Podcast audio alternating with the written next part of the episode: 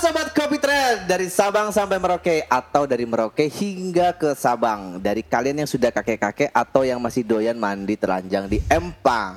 Nah, kita ketemu lagi ya, kita kembali lagi di channel kita. Channel yang mengupas mengenai peluang pada saham blue chip dan sedikit uh, memberikan edukasi buat kita semua. Masih dengan saya Romeo, origin Jawa dan rekan kerja saya yang wajahnya semakin imut-imut ya setiap harinya. Ini dia Bapak Philip Kasano Morgan. Iya, what's up? What's up, Gimana guys? gimana kabarnya Pak Philip? Uh, weekendnya Wah, sangat luar biasa baik, Bro. Ya tentunya ya suka aku sebagai investor saham ya tentunya hidupnya ya it's so fun, Bro. atau mungkin karena hari ini ada ada something nih. Ya ada something ya. Kita nih wah, aku pun Soalnya tak mampu kelihatannya nggak biasa banget deh kayak sebelum-sebelumnya gitu. Aku pun tak mampu berkata-kata. Masa lebay. Jadi ini sobat Kopi Trade kita sengaja hadirkan karena memang kemarin kita dikomplain katanya ngapain sih berdua aja ngebosenin ngeliat muka lu berdua gitu. Jadi sengaja nih kita datangin jauh-jauh dari Amerika sono ya. Amerika. Boleh dikenalkan monggo Ibu. Enggak kok. Oke, nama aku Gita Elisha Sanjaya, but you can call me Elis. Terus apalagi nih? Background pekerjaan aja ya. Ya pekerjaannya apa? Ada pekerjaan saya sebagai financial consultant. Oh, bukan ibu rumah tangga ya? Bukan lah bro. Masih muda cuy. Lanjut dah. Oke bro, Philip, kita hari ini ya sebelumnya ya minggu kemarin kan kita bahas mengenai eh, Starbucks. Starbucks ya. Kemarin kita habis Untuk perkembangannya sendiri gimana, Bro Philip? Untuk peker- eh, perkembangan sendiri dari saham Starbucks ini ya kemarin sempat naik bro. Sempat naik ke 109 dolar per lembar. Kemarin sempat naik 109 lembar. Nah itu ya namanya investasi ya namanya kita main kita investasi di US stock ya tentunya kita hold kita tahan tentunya jangka panjangnya karena kan eh, jangka panjangnya aku lihat nih trennya memang masih mau naik nih atau istilahnya masih bullish. Nah jadi aku nunggu aja momennya paling ya empat dua dua tiga bulan lagi lah kalau Kalau untuk, untuk Starbucks. close harganya kemarin Starbucks di close di harga berapa? ini. Eh, yang tadi malam ini harga Starbucksnya close-nya balik lagi ke 107. Oh artinya mungkin masih belum ada perubahan. Masih belum ada perubahan, belum ada Tapi perubahan. memang sebenarnya ya biasa aja sih kalau kita nilai saham kan memang ya biasa. Ya ini buat sobat trader ya kembali kembali gue ingetin bahwasanya kalau kita eh, investasi ke saham memang belajarlah untuk tidak berbuat apa-apa. Belajar untuk tidak berbuat apa-apa. Eh susah banget ya kayaknya untuk tidak berbuat apa-apa. Padahal kan enak banget tuh. Tinggal ambil terus kemudian beli, udah tinggal aja. Betul. Tapi memang sebagian dari kita masyarakat kita memang harus berbuat apa-apa gitu. Jadi pengennya maunya yang cepet gitu. Iya, maunya yang cepat. Yang cepet. Enggak lah. yang Kalau mau namanya- cepet kayaknya rasanya mungkin tinggal bakar lilin, udah yang kerja satu kita na- jagain aja gitu. Enggak lah ya, namanya kan tetap harus ada proses. Harus ada proses. Buat Indomie aja loh ada prosesnya. Hmm. Jadi mungkin kita tunggu aja nih Starbucks yang tadinya kita beli di harga 107 per lembarnya ya. Kita tunggu aja sekitar kira-kira 6 bulan sampai satu tahun sampai mungkin satu ya. tahun, ya betul. Yes, masuk akal. Masuk akal. Terus kemudian hari ini nih ngomong-ngomong hari ini kita mau bicarain apa sih? Hari ini kita mau bahas ya tentang request. Ini kita dapat request sih. Kita dapat request dari akun Instagram kita nih. eh, coba katanya Romeo jelasin ya. Kita, kita katanya harus jelasin nih eh, tentang saham Apple. Oh, Bukan jadi hari ini ya? kita bahas mengenai saham Apple. Bukan anggur ya? Ang- anggur ya. Waduh. Anggur apa apple nih? Eh, Eh, kalian ngomongin apa sih? Aku nggak nyambung. Anggur anggur. anggur tuh apa ya? Ya anggur buah kan? Oh iya iya iya. iya, Lanjut lanjut lanjut. lanjut. Kita bahas Apple. Kok kalian berdua tiba-tiba ngomongin anggur? Gak tahu tuh dia. Anggur tuh, waduh, anggur kan ada saham lain ya kalau anggur. Nah ini sobat trader, ya ini sobat kopi trade, kayaknya emang ada ada chemistry yang misteri gitu, yang nantinya mungkin saya sepanjang perjalanan eh, channel kita bakal kelihatan deh kayaknya. Alright, alright, alright. Oke kita bahas hari ini mengenai eh, blue chip eh, perusahaan Apple. Apple Stock ya, tentunya kita mau jelasin tentang Apple Stock. Apa itu Apple Stock, bro? Philip Casano Oke, Morgan. Apple Stock sendiri itu adalah perusahaan teknologi multinasional yang berpusat di Cupertino, California yang merancang dan mengembangkan menjual dan juga menjual barang elektronik buat para konsumen tentunya. Dan juga ada perangkat lunak komputernya dan ada layanan daring ya. Kemudian ya perangkat keras yang diproduksi Apple ini meliputi telepon pintar, yaitu telepon pintarnya adalah iPhone. Dan untuk komputer tabletnya itu adalah iPad dan juga komputer pribadinya itu adalah Mac. Ada juga pemutar media portable-nya adalah iPod dan jam pintarnya adalah Apple Watch. Ada juga pemutar media digital ada Apple TV dan pengeras suara pintarnya adalah HomePod.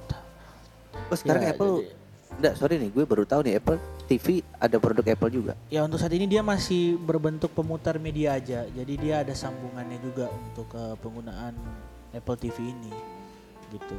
Itu bersumber dari Wikipedia. Wikipedia. Ya, Oke, teman-teman bisa cek sendiri ya. Kalau memang kurang lebih jelas, eh, teman-teman bisa cek dari Wikipedia apa sih itu eh, saham Apple. Kemudian alasan kita mengambil memilih untuk saham Apple ini di luar dari request teman-teman, memang sebenarnya siapa sih yang nggak tahu produk Apple gitu ya? Produk Yoi. Apple di ya di seluruh dunia sampai negara kita sendiri juga. Ya gue pikir nggak tahu ya kenapa. Kalau untuk Bu Elis sendiri nih, eh gue ngomong ibu. Jangan ibu. Oke, untuk Elis sendiri sebenarnya memang Apple ini kayaknya peminatnya mayoritas kaum hawa, bener gak sih? Eh, bisa dikatakan benar. Kenapa? Biasa kaum hawa kan sukanya eksis-eksis ya. Waduh, eksis eksis. Maksudnya Dengan eksis- meng- menggenggam gadget-gadget yang Menggenggam. you know. Iya, karena karena yang yang gue tahu ya nggak tahu nih mungkin dari teman-teman karena gue sendiri belum belum coba sih. Gue pernah dulu eh, dengar teman gue pakai Apple, nggak tahu doyan selfie gitu. Emang kameranya bagus banget, sebagus apa sih? iPhone Waduh, menurut Elis gimana nih? Kan Real sih kameranya. itu bisa Nggak bikin bisa bikin jerawat yang ada di muka kemudian hilang gitu ya atau gimana? Makin timbul, Bro. Udah terus. Makin timbul. Terlalu real pakai- sih sebenarnya. Terlalu real, Bro. Oh. Cuman mungkin tone warna dan kontras dan something dan something else gitu lah. Oh, berarti Itu sebenarnya- oke. Berarti gadget ini memang eh, fungsinya memang buat orang-orang yang suka desain grafis atau memang mereka yang hobi-hobi buat edit-edit fotografi. ini cocok gitu ya. Cocok pakai Apple. Ya, apalagi di dunia yang kayak sekarang gitu. Berarti kita nanti bisa request nih Apple bikin kamera berarti ya siapa tahu bisa lebih wah Berarti harganya lebih gila lagi, Wah, Bro, lebih kalau gila pastinya. Lu wajar dong karena karena juga memang kualitasnya. Masa lu bilang kemudian kualitas yang bagus harga murah, lu tinggal di mana? Primitif. iya iya iya. Oke nih gue lanjut. Jadi kualitas yang sudah tidak perlu dipertanyakan lagi. Kemudian branding yang eksklusif dan keren. Apalagi ini Apple memiliki ekosistem yang mengikat dan cenderung menjadikan kita ingin melengkapi perangkat-perangkat produk Apple tersebut untuk mendapatkan pengalaman pengguna yang menyeluruh. Wih, kebayang memang ya kalau sudah eh gue gue belum ngalamin sih. Memang teman gue kayaknya kalau sudah beli eh, eh, iPhone misalkan nih beli iPhone produk Apple, kemudian ada launching baru, rasanya pengen lagi beli yang bener gak sih, Elis? Hmm, sebenarnya kayak saya setuju dengan ekosistem Apple itu. Contohnya pusatnya itu ada di iPhone sebenarnya, Bro. Romeo. Jadi gini, ketika lu beli iPhone ya, dia kan sekarang mengeluarkan AirPod Jack nih. Hmm. Kita beli nih ya.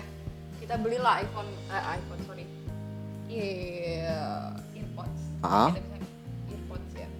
Terus kita juga beli iWatch-nya. Ketika kita jual iPhone ini, yang lain jadi nggak berguna kan? Itulah namanya ekosistem Apple atau kita bisa bilang lingkaran setannya Apple. Wah, Apple Ini fanboy kuat banget, nih, Bro. Keras nih. Iya, kalau lu kalau kalian lihat orang ya iPhone user udah pakai iWatch, nggak bakal pindah ke brand lain. Ada nggak anting-anting merek Apple? Ada nggak anting-anting merek Apple? Mungkin soon ada. Apple ini, hawa Apple ini kan bidangnya teknologi. Lo kalau tiba-tiba bicara anting, Ya siapa tahu emang kan kemudian anting- ada gitu Siapa anting tiba-tiba anting-antingnya bisa bisa ini kan bisa buka Instagram. Lu gila. Eh, sebenarnya kalau untuk eh, Apple sendiri ya, kalau untuk Apple sendiri sebenarnya produknya diperuntukkan untuk siapa sih? Ya kalau kita lihat sih Apple nih ya buat seluruh golongan kan. Suruh gue. Eh lu kok manggil gue Ivan sih? Romeo. Meo, meo, meo. ya jadi eh Meo, ih gila gue jijik banget Iya, bro iya, Meo, ini bro. sobat kompetitor. Ini kebia- ini kebiasaan anak kampung ya gitu. Loh, loh, loh, loh, anak? Ya, karena Iya. kita memang ju- jujur aja karena memang kita sebenarnya anak kampung benar, gitu. benar. Anak Iya, kampung yang kemudian ya. merantau Iya. di kota. Jadi produk-produk sekelas kayak Apple ini kita baru tahu itulah alasan kita kenapa kita datangkan Ellie Datangin dari mana nih? Wah kayaknya dari Amerika, kemarin lu yang negosiasi ya berapa untuk harga untuk transfernya ke podcast kita nih. Jangan disebut ya, jangan Itu disebut ya. urusan manajer gue. Sebenarnya jadi sasarannya sendiri produk Apple ini adalah mereka yang eh, untuk teknologi sendiri mereka coba untuk eh, memang untuk masyarakat luas sasarannya. Masyarakat luas. Nggak peduli itu mau dari kalangan atas bawah karena memang untuk bicara kualitas sendiri Apple ini udah nggak dipertanyakan Oh lagi. iya betul sekali. Apalagi di era teknologi sekarang ya memang kualitasnya cukup wah lah kalau buat gue. Iya, betul banget. Betul banget itu tuh. dari teman-teman gue loh ya gue sendiri sih belum tapi kayaknya gue penasaran deh. Gara-gara karena memang karena konten ini dibuat semenjak konten ini di request sama teman-teman gue coba untuk belajar.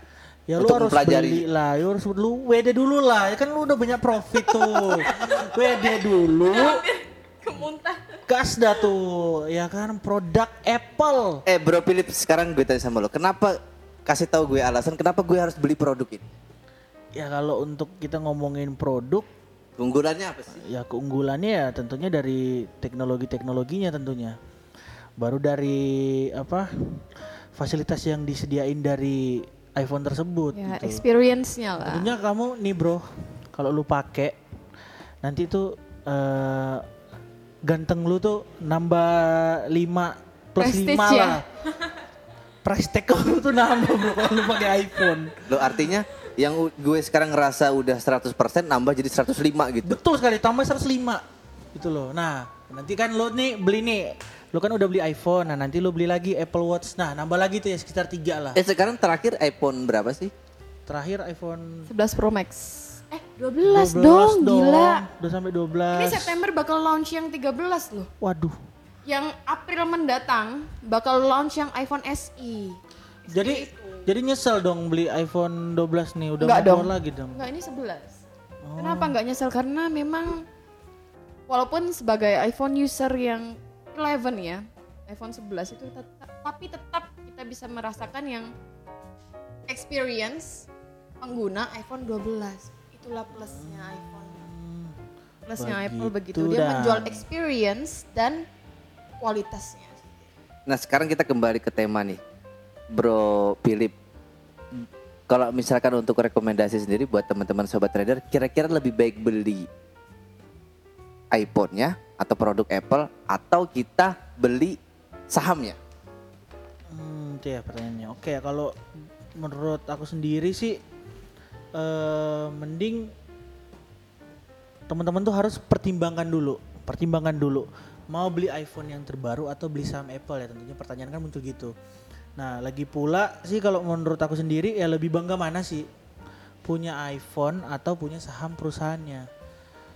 Ya tentunya gue sih kadang ya lihat teman-teman tuh kan uh pakai iPhone ya kan. Ya gue ngomong ah gue punya sahamnya, gue punya lembaran sahamnya. Emang sekarang harga saham Apple nih sekarang berapa sih? Harga saham Apple sekarang lagi di 121 dolar per lembar. Itu tergolong murah atau tergolong mahal? Ya ini sih udah waktunya beli gitu loh. Sebenarnya ini udah harganya yang murah. 120 21 dolar per lembar. 121. Karena kan kemarin nih eh perusahaan ini sendiri yang berdiri sejak tahun 1976 ini memang merupakan perusahaan go public ya sejak melakukan IPO pada Desember 1990 ini di pasar modal Amerika Serikat saham berkode AAPL itu tercatat dalam indeks Nasdaq ya indeks di indeks Nasdaq eh, tepat dua tahun yang lalu ya pada eh eh, kita ngomongin yang lima tahun dah. Kita tarik lima tahun ke belakang deh. 5 tahun Ya, ke belakang berarti di tahun 2015. 2015. sekitar tahun 2015 ini harga saham Apple ini dia ada di Bentar bro gue cek bro harga saham Apple. Ini dia running di 111 111 dolar per lembarnya Dan kemudi- 111. Iya, 111 kemudian pada tahun 2020 lu bisa bayangin dah dia tuh sampai ke Ntar kalau lu bicara bayangin gue harus bayangin dulu nih. Bayangin. bayangin dulu, bayangin. Oke, Ah. udah. Oke, lanjut. Oke, ya. Nah, kemudian harga kemarin itu eh s- di tanggal eh di di bulan ya kita ngomongin bulan Agustus itu dia mencapai harga di 514 dolar per lembar. Dari 100 111 ke 514 itu dalam kurun waktu dalam kurun waktu lima tahun. lima tahun. berarti dalam satu tahun mungkin bisa meningkat sampai 100 ya, kemudian lu udah bisa punya iPhone kiri kanan kalau lu beli waktu itu gitu loh ya. Lu kan mungkin nggak tahu lah lu beli apa waktu itu kan. gue nggak tahu gue emang dulu ya ya kalau buat gue karena karena gue jujur aja gue orangnya agak gaptek sebenarnya Hmm, iya. tapi gara-gara belajar kemudian memahamin ya karena hidup di sekarang kita kayaknya dituntut untuk memahami teknologi di semuanya Iya, gitu. karena lu udah bergaul sama gue, lu harus nambah lah strata. Oke, nah kemudian itu eh, setelah dia 514 itu dia tuh adain stock split loh.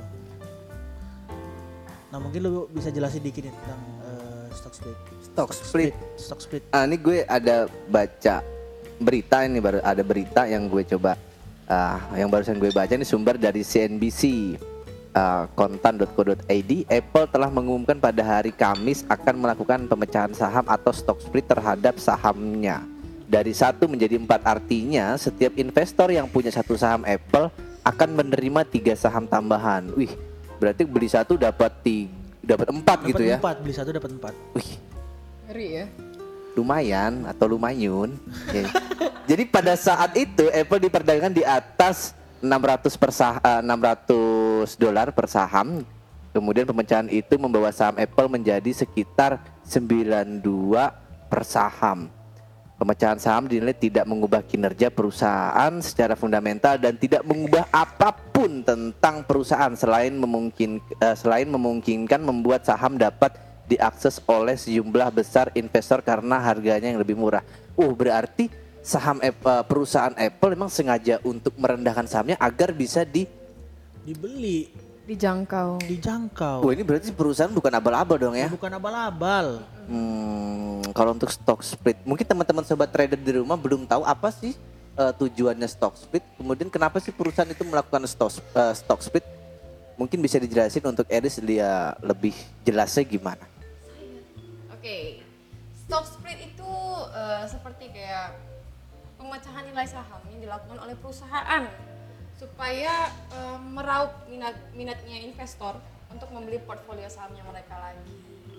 Begitu Bang Meo. Kemudian apakah itu tidak mengganggu atau eh, seperti yang gue baca ini kan kalau misalkan dari Apple sendiri ini bisa mengubah gitu secara, secara fundamental dan ti- tidak mengubah apa pun tentang perusahaan. Emang ketika sahamnya diturunin itu tidak tidak berdampak negatif untuk perusahaan. Setelah Apple melakukan split stock tidak ada kayak gimana ya? Tidak ada sesuatu yang mempengaruhi berdampak negatif. Iya sebenarnya masuk masuk akal sih ya ketika kita bicara produk produk yang tadinya udah memang dinilai harganya mahal. Sebenarnya kalau buat saham sih, iya ini ini ini, aduh sorry, ini sebenarnya keuntungan kalau kita eh, keuntungan ketika kita bicara saham, bicara saham ini kita beli saham, kita nggak perlu ribet, kita nggak perlu takut bahwasannya ke depan saham ini akan akan bagus atau tidak. Karena memang ya ngapain pusing, yang pusing bakal perusahaannya dong. Iya.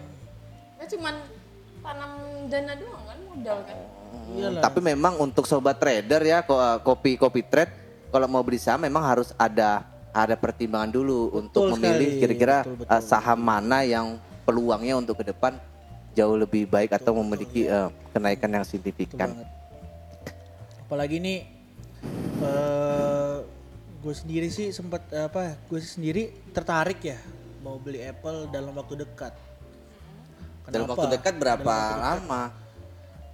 Ya tunggu gue eh, nambah lagi investor nanti gue langsung beli lagi sahamnya saham Apple. Gue beli lagi. Lo kan kemarin kan mau beli 400 lembar ya. Gue kali dua lah 400 lembar. ya jadi eh, apa Lah, sih? Lu tadi kan di bawah bilang tuh katanya lu baru beli TV merek anu merek Apple. Bener gak sih? Aku dengar dari anak-anak di bawah. Nah itu mungkin yang suatu yang bisa menunjang fundamental Apple karena eh, Philip Casano membeli Apple TV. Padahal, langsung naik. padahal terakhir gue ya, gue nonton El Clasico itu kemarin sama lu di rumah lu, lu masih pakai TV tabung. Tapi tabung tuh udah ndak ada bro. Digadaikan. Digadaikan sudah. ya, stock split itu kita lanjut ya kita balik. Stock split itu eh, akan meningkatkan outstanding saham Apple sebenarnya. Jadi berikut ini adalah lima alasan atau lima hal yang perlu diketahui tentang stock eh, stock split yang dilakukan oleh Apple. Mungkin bisa dibacain nih sama Elis. Oke, dikutip dari Viva News gitu ya. Sepanjang sejarah Apple tuh sudah melakukan lima kali split stock. Lima kali. Lima kali. Bagus banget Ya, bisa. jadi ada beberapa alasan kenapa Apple tuh memilih untuk Satu, Yang pertama, wih, banget ya suara gua. Pemecahan nilai saham bisa menarik banyak investor yang seperti saya ngomong tadi tuh, Bang Meo. Ya kan, semakin dia harga sahamnya lebih murah, semakin menjangkau investor-investor. Banyak investor, sorry. Alasannya lebih berkaitan dengan aspek psikologis daripada logika. Langkah itu akan menurunkan harga saham, tetapi dapat meningkatkan jumlah saham yang beredar. Meskipun nilai saham perusahaan tetap sama, tetapi prospek harga yang lebih rendah sering menggairahkan investor yang sebelumnya menjauh karena harga saham dinilai terlalu tinggi. oh ini yang kayak kita bahas sebelumnya ya. Ya, Masuk akal sih. Oke lanjut yang kedua. Sangat masuk akal. Oke, yang number two. Reason number two ya. Stock split akan membawa Apple lebih prestis. Harga saham yang lebih rendah bisa membuka jalan lebih besar untuk masuk di antara 30 saham yang menjadi komponen utama indeks Dow Jones Industrial Average. Sebelumnya harga saham Apple yang tinggi membuat perusahaan teknologi itu tidak praktis masuk ke komponen utama Dow Jones. Saudara-saudara. Hmm, sebelumnya artinya sekarang udah dong ya. Hmm, ya, sekarang udah. Karena dia udah split stock tadi itu kan. Harga saham. Oke lanjut next. Oke. Number three. Reason number three. Stock split nampaknya seperti keluar dari tren. Pemecahan nilai saham sering kali tampak refleksif saat harga saham perusahaan mendekati 100 US dollar. Dalam beberapa tahun terakhir, meskipun perusahaan yang melakukan stock split, sorry, stock split semakin berkurang, akan membuat perusahaan itu lebih nyaman karena memungkinkan saham perusahaan mereka diperdagangkan ratusan dolar per saham. Seperti dika- seperti diketahui di tengah pasar saham Amerika Serikat yang secara keseluruhan terus menguat, hanya 57 perusahaan yang telah menyelesaikan pemecahan nilai saham sejak 2009 hingga saat ini. Di antaranya adalah kenapa?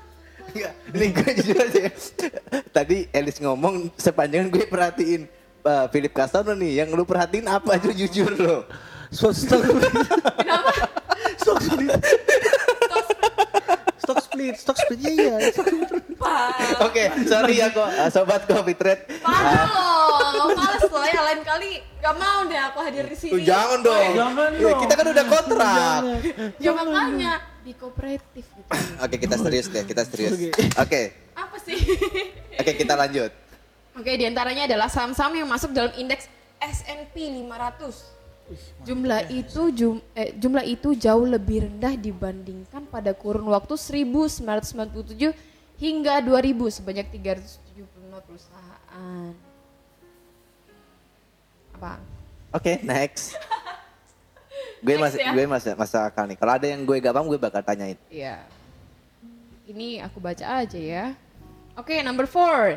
Stock split yang dilakukan Apple saat ini adalah bukan yang pertama kalinya. Ya karena udah lima kali kan. Kali. Hmm. Apple sebelumnya telah menyelesaikan pemecahan nilai saham dengan rasio 2 banding 1 pada tiga kali. Yakni Mei 1987, Juni 2000, tahun 2000, dan Februari tahun 2005. Wow. Saham Apple kemudian naik 2% pada tahun pertama setelah stock split pada tahun 1987 dan melonjak 60% pada tahun pertama setelah stock split pada tahun 2005. Oke. Namun Apple juga pernah mengalami kegagalan guys. Yakni sah- sahamnya anjlok 57% pada tahun pertama setelah stock split pada tahun 2000. Gitu. Jadi, Oh, jadi memang- semantap-mantapnya perusahaan tuh pasti pernah mengalami kegagalan. Iya, gitu. kayak peribahasa gitu. Sepandai-pandainya tupai melompat, dia pasti akan jalan juga kalau udah capek. Oh, sepandai-pandai tupai. eh, enggak kali, sepandai-pandai tupai melompat Pasti bakal jatuh Oh iya benar bakal juga. jatuh. Itu kepikiran gue sepandai-pandai tupai melompat bakal kepleset juga gitu-gitu ya. Oke deh lanjut. Bentar, bentar, minum dulu.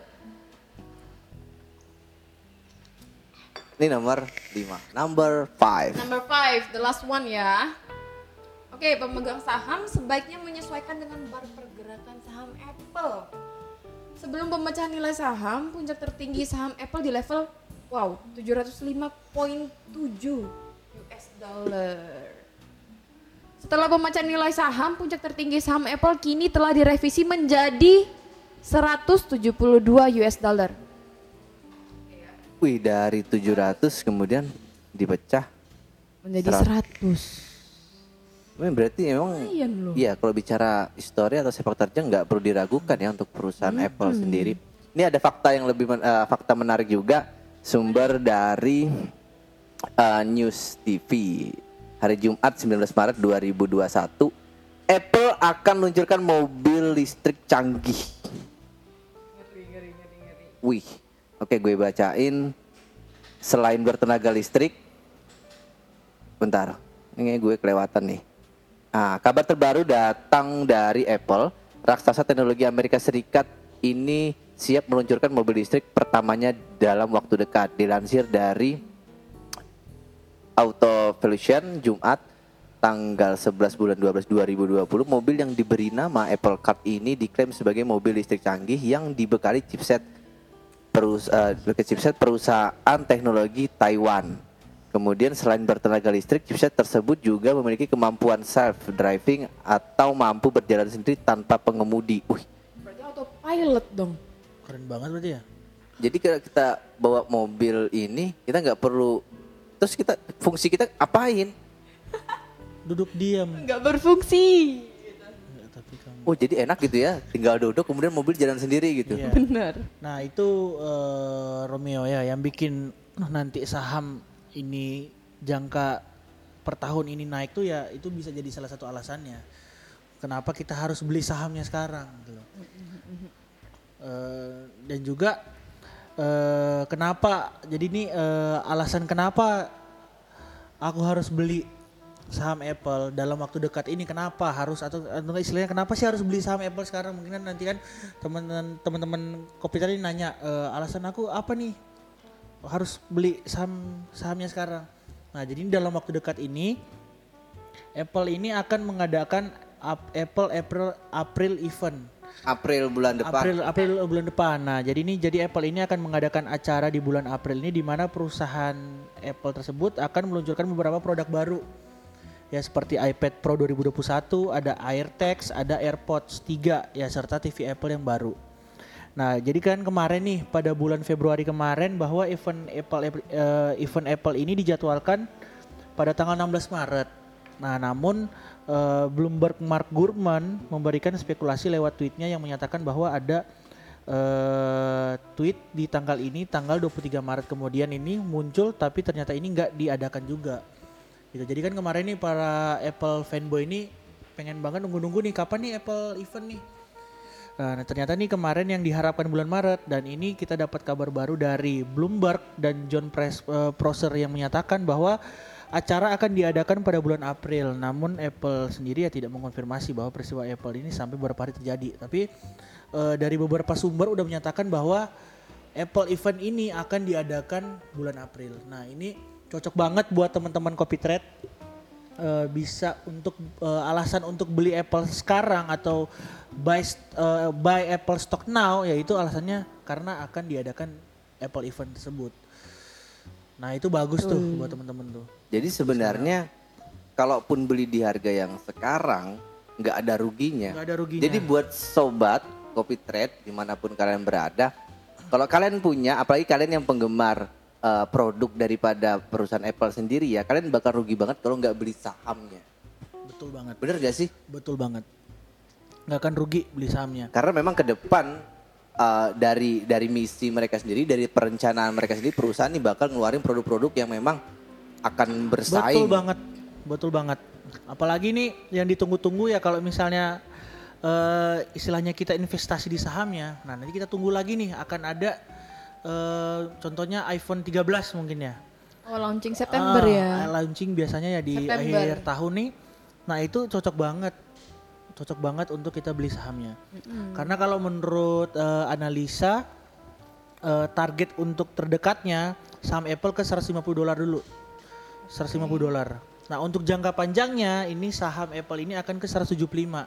Nah, jadi bayangin aja kita eh, coba coba kita Enggak nih sekarang saham Apple sekarang lagi di harga lagi di berapa? 121. Kalau Lagi di misalkan nih 121. Bro Philip Kasano, Hmm. misalkan uh, kita beli saham Apple sekarang.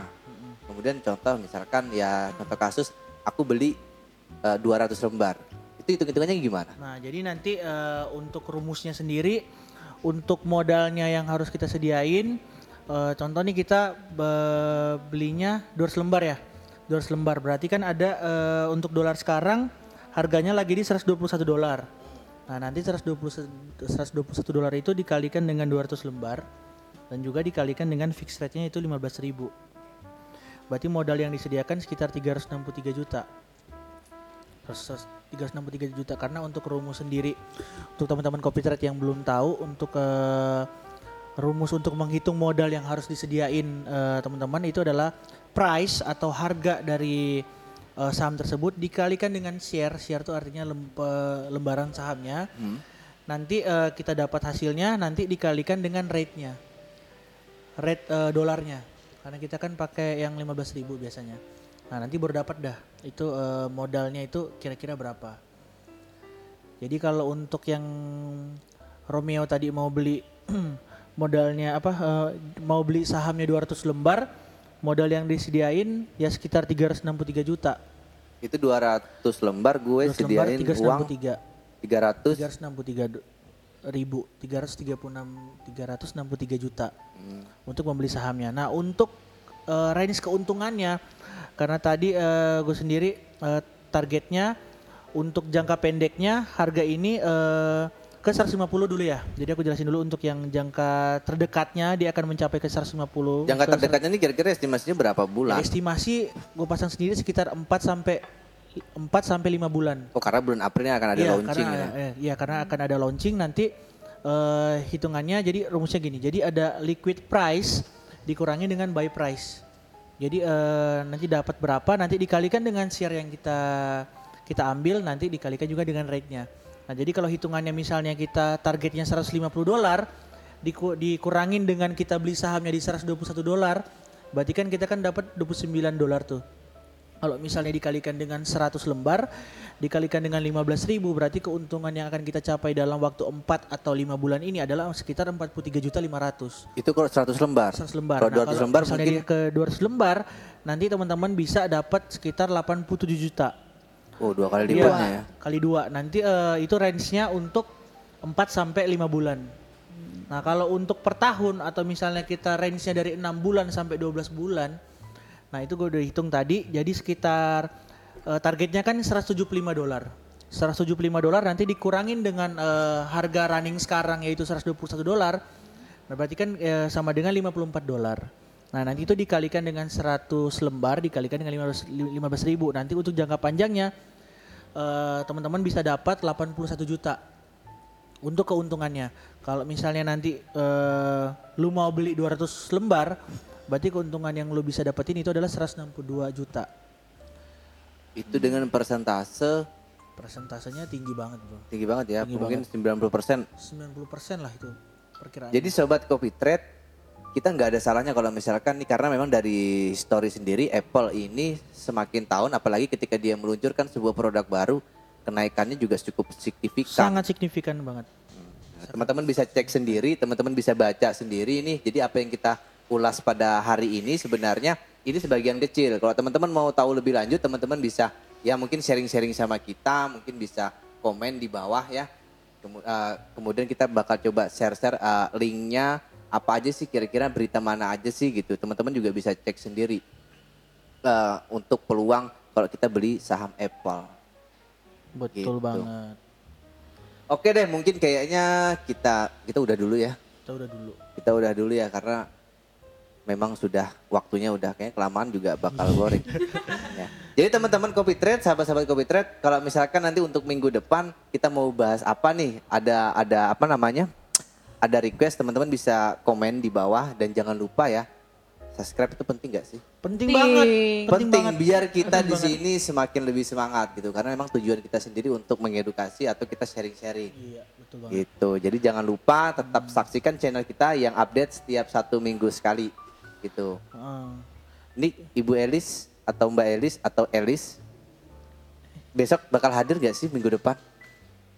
Kalian mau saya hadir saya, saya hadir apa enggak? Hadir dong, harus. Ya kalau nanyanya kita berdua mah kita pengennya hadir. Jadi mau di mau diapin kak untuk harga kontraknya mau Oh ditambahin? jelas. Gini aja deh kita Jelas. kita, kita buka kita kita buka request nih buat teman-teman kira-kira Elis ini bakal mau dihadirin gak sih minggu depan?